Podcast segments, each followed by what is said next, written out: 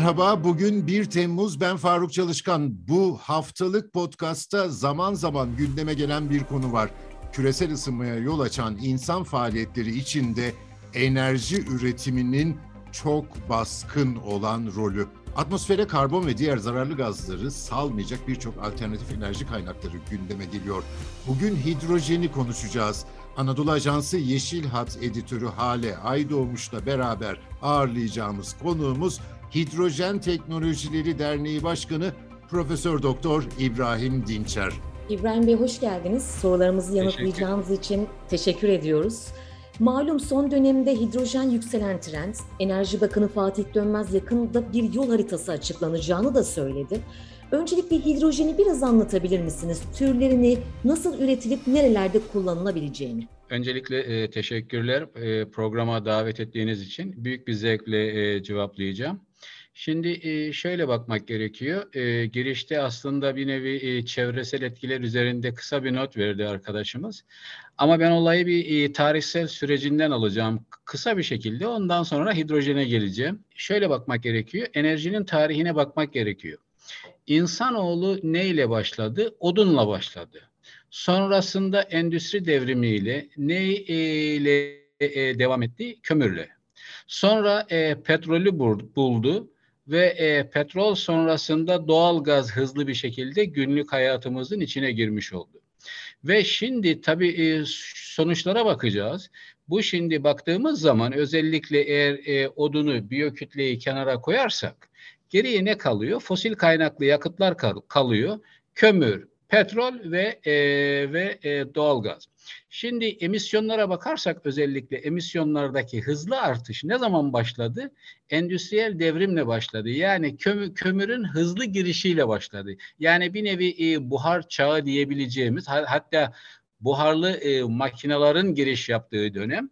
Dolayısıyla şimdi e, bakıldığı zaman insanoğlunun e, hem enerji boyutunda yaşadığı sıkıntılar hem de çevre boyutunda bu e, hem bölgesel hem de küresel ölçekte.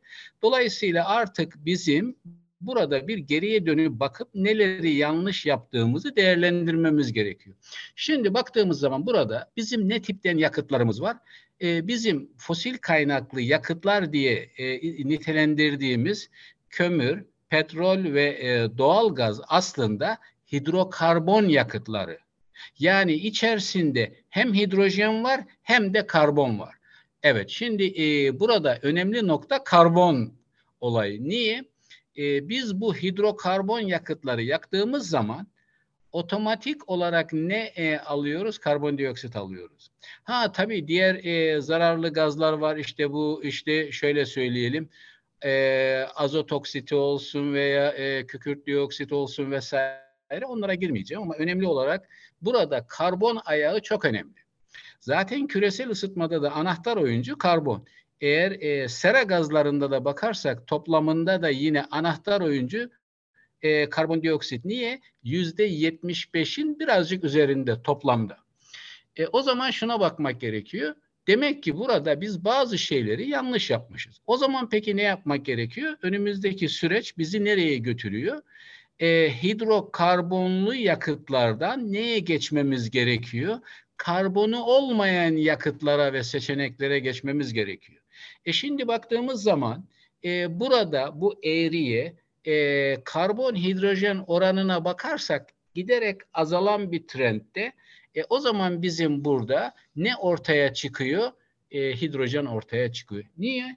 Hidrojenin karbonu yok. Hidrojen sadece ve sadece e, periyodik cetvelde bakarsak e, birinci sıradaki element ve e, bunun e, bakıldığı zaman sadece H2 iki atomlusu, tek atomlusu H. Dolayısıyla bizim e, buradaki aslında bir nevi dönüşümde anahtar oyuncu hidrojen. Şimdi bir de bunu nereden okuyacağız arkadaşlar? Bunu okurken şuna bakmak gerekiyor.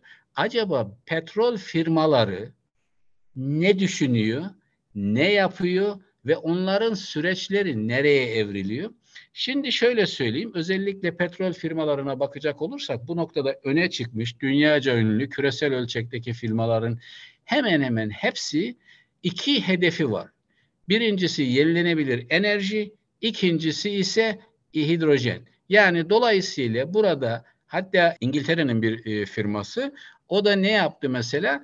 E, ismini bile değiştirerek yani petrolün ötesi gibi e, tanımlamış durumda. Yani sonuç itibariyle burada içinde bulunduğumuz süreç bir nevi artık geldiğimiz noktada karbonsuz çözümleri gerektiriyor.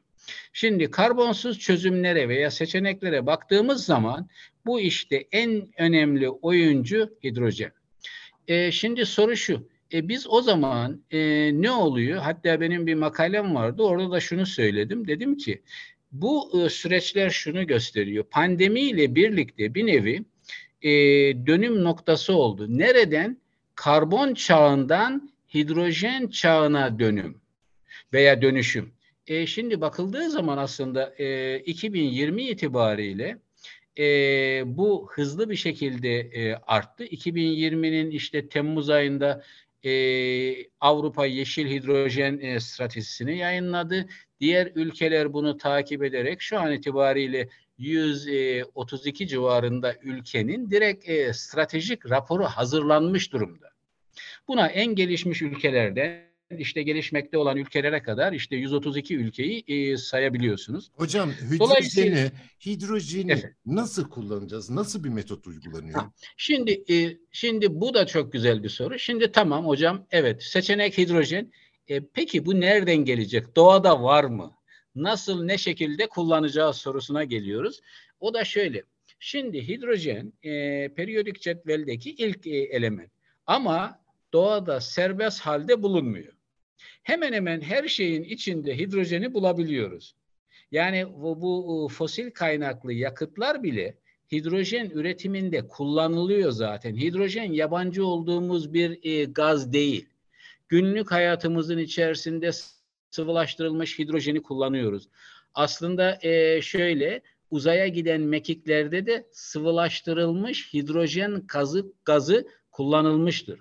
Dolayısıyla bakıldığında sonuç itibariyle yabancı olmadığımız ama teknolojik olarak henüz tam teşekküllü hazır da olmadığımız bir seçenek. E, o zaman hidrojene bakacağız. Peki nereden gelecek? Doğada serbest halde bulunmuyor. E, o zaman onu bizim bir şekilde üretmemiz gerekecek. Peki eğer bunu fosil kaynaklardan üretiyorsak o e, yeşil hidrojen olmuyor. E, peki onu işte mesela e, eğer karbon tutma yapmazsak o zaman ne oluyor? İşte kahverengi, işte gri, siyah gibi renklerle isimlendirilmesi var. Eğer karbonunu tutarsak mavi oluyor. E o zaman peki biz yeşili nasıl yapacağız? Yeşil hidrojende o zaman devreye yenilenebilir enerji kaynakları giriyor. O zaman yenilenebilir enerji kaynaklarını kullanacağız. Peki bu kaynakların nesini kullanacağız? Bu kaynaklardan elde ettiğimiz elektriği veya ısıyı veya ışığı kullanacağız. Peki elektriği nasıl? Elektriği elde ettiğimiz zaman biz elektrolizörde e, ne yapabiliriz? E, bu suyu ne yap elektroliz ederek hem hidrojene hem oksijene ayırabiliriz. Dolayısıyla burada eğer biz temiz elektriğimiz varsa yenilenebilir enerji kaynağından biz ne yapıyoruz? Temiz hidrojen elde ediyoruz. Aynı şekilde ısıyı da kullanabilir miyiz? Kullanabiliriz. Bu jeotermal ısı da olabilir. Güneş e, ısısı da olabilir. Yani e, özellikle bu yüksek e, sıcaklık toplayıcıları var. Onları da kullanabiliriz. Dolayısıyla amaç burada şunu yapıyoruz. Nedir? Suyu e, hidrojene ve oksijene ayrıştırarak. Bunun için de ayrıştırmada farklı enerji seçeneklerini elektrikten ısıya, ısıdan ışığa kullanmamız mümkün. Şimdi hocam ayrıştırdık. Hidrojeni evet. bir yerde muhafaza ediyoruz. Nasıl kullanacağız? Nerede kullanacağız? Nasıl bir mekanizmadır evet. bu? Tamam, e, e, hidrojeni ürettik. Şimdi peki bunun belki ilk ayağı ne olacak? Depolama gerekecek. Depolama seçeneklerimiz var mı? Var. Bunu ya e, basınçlı olarak yani e, sıkıştırıp depolayacağız ya da sıvılaştırıp depolayacağız. Yani bakıldığı zaman ana olarak e, şeyler e, bu yönde. E, peki e, sonuç itibariyle depoladık. E, bunu e, taşıyabiliriz. E, ondan sonra e, ne yapmamız gerekiyor? Kullanmamız. Peki günlük hayatta nelerle biz bunu kullanacağız? Şöyle, Şimdi e, bakıldığı zaman eğer biz hidrojene e, geçeceksek günlük hayatın içerisinde e, biz ne yapacağız? Bir nevi e, bu doğal gazı dönüştürmemiz gerekecek. O zaman bizim acaba bu e, evsel sistemlerden tutun endüstriyel sistemlere kadar buradan e, taşıtlara kadar hidrojeni e, kullanabileceğimiz şekilde düzenlemeler yapmamız gerekiyor. Peki mevcut sistemlerde yakabilir miyiz? Yakabiliriz. Ama burada e, nedir? Belli termofiziksel özelliklerin değişmesi, e, özellikle hidrojenin kendine ait özellikleri, e, renksiz kokusuz olması vesaire derken dolayısıyla bunu eğer mevcut sistemlerde biz yakacaksak mevcut sistemlerin hidrojene uygun hale dönüştürülmesi gerekecek. Yani bir evsel sistemde ocağımızda diyelim yakacaksak veya brülörde yakacaksak dolayısıyla bunların dönüştürülmesi gerekiyor. Bu noktada nedir? Malzeme boyutunda işte bunun bütün diyelim işte o boru hatları da olmak üzere dönüşümleri gerçekleştirmek gerekiyor. Dolayısıyla e, o dönüşümü gerçekleştirmek gerekiyor. Ya bunu e, direkt e, yakabiliriz ya da bunu e, ne yapacağız biz? Yakıt hücresi veya yakıt pili dediğimiz sistemler var. Yani fuel cell dediğimiz sistemler var. O sistemlere eğer biz e, hidrojeni e, verirsek bunu ne yapacağız biz? O zaman bunu e, biz e, şöyle yapacağız. Hidrojenden bizim ne elde etmemiz gerekiyor? Elektrik elde edeceğiz. Hidrojenden bu sefer ne yapmamız gerekiyor? E, o zaman bizim havaya veya oksijene ihtiyacımız var. O zaman e, ne yapacağız? Bunu alırsak elektriği üretip ha, aynı zamanda hidrojenle oksijen reaksiyona girecek ve sonuç itibariyle de su çıkacak. Yani onun için temizliği orada hiçbir emisyon yok. Ne çıkıyor? Eğer bir yakıt hücresi sisteminiz varsa sistemde ne giriyor? Hidrojen, oksijen veya hava. Ondan sonra ne çıkıyor? Elektrik ve su. Ha bunun bir miktar ısı filan da a, a, salınımı olacak. Ha o ısıdan faydalanılabilir. Ama genel itibariyle emisyon yok. Yani buna emisyonu olmayan sistemler deniliyor.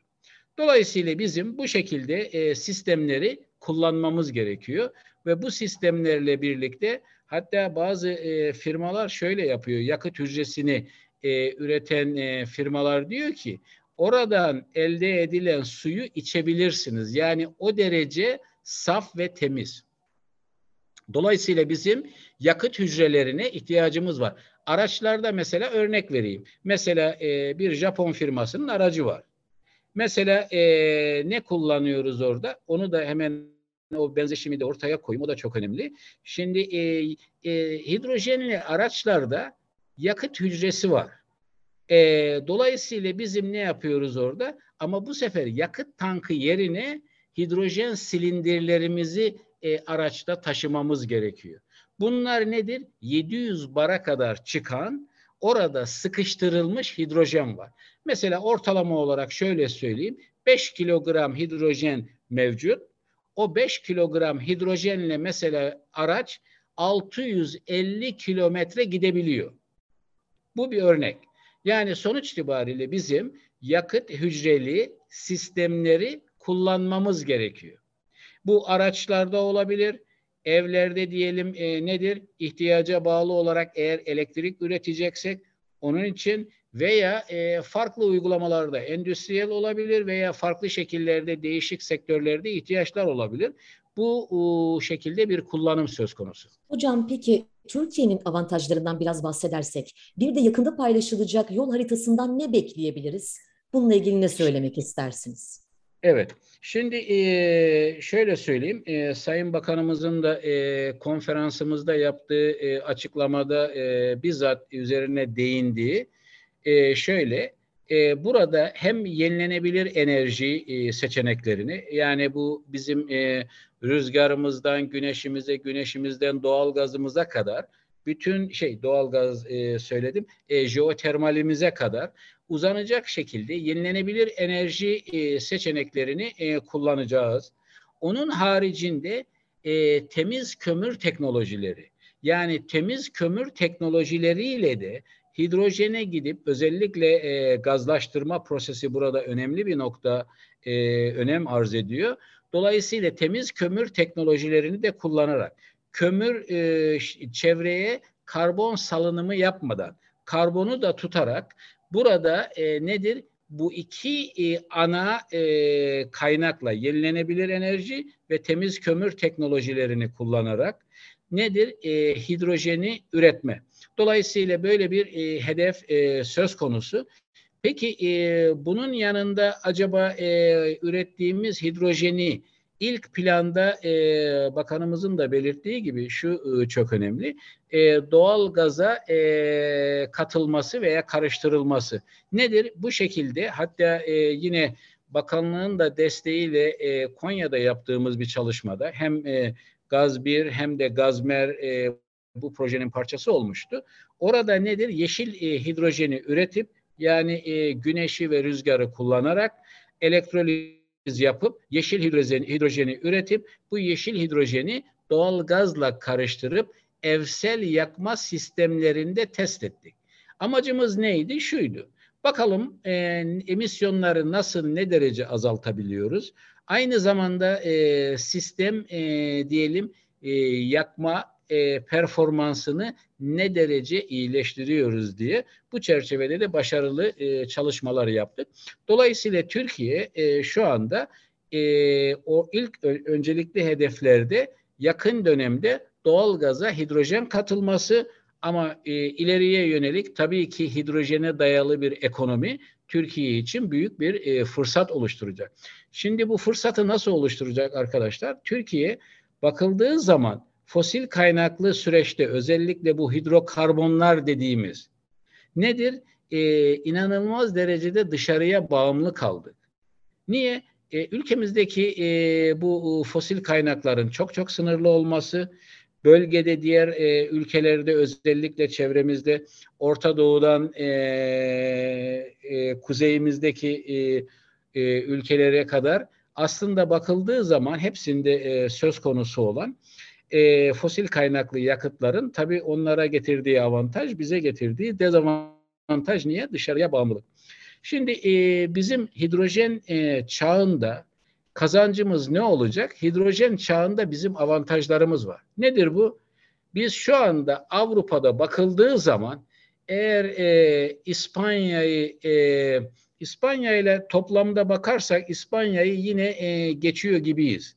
Yani şöyle diyelim bazı kaynaklar İspanya'yı birinci yapıyor işte bizi ikiye düşürüyor ama toplamda bakıldığı zaman aslında Türkiye Avrupa'da en çok yenilenebilir enerji potansiyeline sahip ülke. Üç tarafı denizlerle çevrili. İnanılmaz bir avantaj sağlıyor. Demek ki Türkiye önümüzdeki süreçte o geçmişte yaşadığı e, sıkıntıları neye dönüştürebilir? Bu hidrojen çağıyla artık katma değere dönüştürme imkanını yakalayacak. Dolayısıyla bu noktada çok çok önemli. Büyük bir fırsat var e, kapımızda. Bu fırsatı çok iyi e, değerlendirmemiz e, gerekecek. Ama burada şunu unutmamak gerekiyor. Hatta e, teknoloji çok önemli. Eğer biz sektörlerimizi geliştirip insan kaynağımızı yetiştiremezsek, teknolojilerimizi üretemezsek bizi yine dışarıya bağımlı kılacak. Her ne kadar kaynaklarımız olmasına rağmen yine teknolojik boyutta dışarıya bağımlı olmak bir nevi bizi de cari aç açığın devam edeceğini gösteriyor. E demek ki o zaman biz çok akıllı hamleler yapmamız gerekiyor. Kaynaklarımız var. O halde biz insan kaynağımızı çok hızlı bir şekilde yetiştirmemiz gerekiyor. E, sektörü dönüştürmemiz gerekiyor. Hidrojen ekonomisine uygun hale getirmemiz gerekiyor. Bunun yanında ne yapmak gerekiyor? Artık teknolojik hamlelerimizi yaparak kendi teknolojilerimizi de geliştirmemiz gerekiyor. Dolayısıyla eğer biz bunları gerçekleştirebilirsek hatta bir çalışmamızda şu vardı e, dernek olarak yaptığımız 81 ili inceledik ayrı ayrı. Buradaki her bir ildeki yenilenebilir enerji kaynaklarını inceledik. Bunun yanında dedik ki atıkları da işin içine alalım. Atıklardan enerjiye gidelim. Yani gazlaştırma e, sistemlerini de e, kullanalım, varsayalım. Ve biz acaba potansiyel olarak Türkiye genelinde ne kadar ne kadarlık hidrojen enerjisi üretme imkanımız var. Baktık ki 614.16 milyon ton. Bu inanılmaz bir rakam. Hatta size şu örneği vereceğim e, arkadaşlar. Almanya Avustralya ile yaptığı anlaşmanın bedeli 50 milyar dolar. Karşılığında ne alacak? 5 milyon ton hidrojen alacak. Hangi süreçte? 2030 yılına kadar. Dolayısıyla e, Avrupa ülkeleri şu anda hatta e, görüştüğümüz firmaların çoğu yer arıyor, kaynak arıyor. Kaynağın olduğu ülkelere bakıyor. Hidrojen kaynağı çok önemli önümüzdeki e, süreçlerde. Dolayısıyla Türkiye bu noktada çok avantajlı bir konumda. Onu söylemek istiyorum. Türkiye'nin de burada eğer e, bakıldığı zaman yaptığımız çalışma sonucu ortaya çıkan bir durum var. Türkiye 614.16 e, milyon ton yıllık hidrojen üretme potansiyeline sahip. Bu şu anda mevcut değil. Eğer biz Türkiye'de gerekli ve yeterli hidro, e, hidrojen e, sistemlerini, hidrojen enerjisi sistemlerini kurarsak, yenilenebilir enerji altyapılarını oluşturursak böyle bir potansiyeli e, oluşturma imkanımız var. Düşünün ki bunun getireceği kaynak inanılmaz yüksek olacak. Profesör Doktor İbrahim Dinçer'e ve Yeşil Hat editörü Hale Aydoğmuş'a çok teşekkür ediyorum. Bizi hangi mecrada dinliyorsanız orada abone olmayı lütfen unutmayın. Hoşçakalın.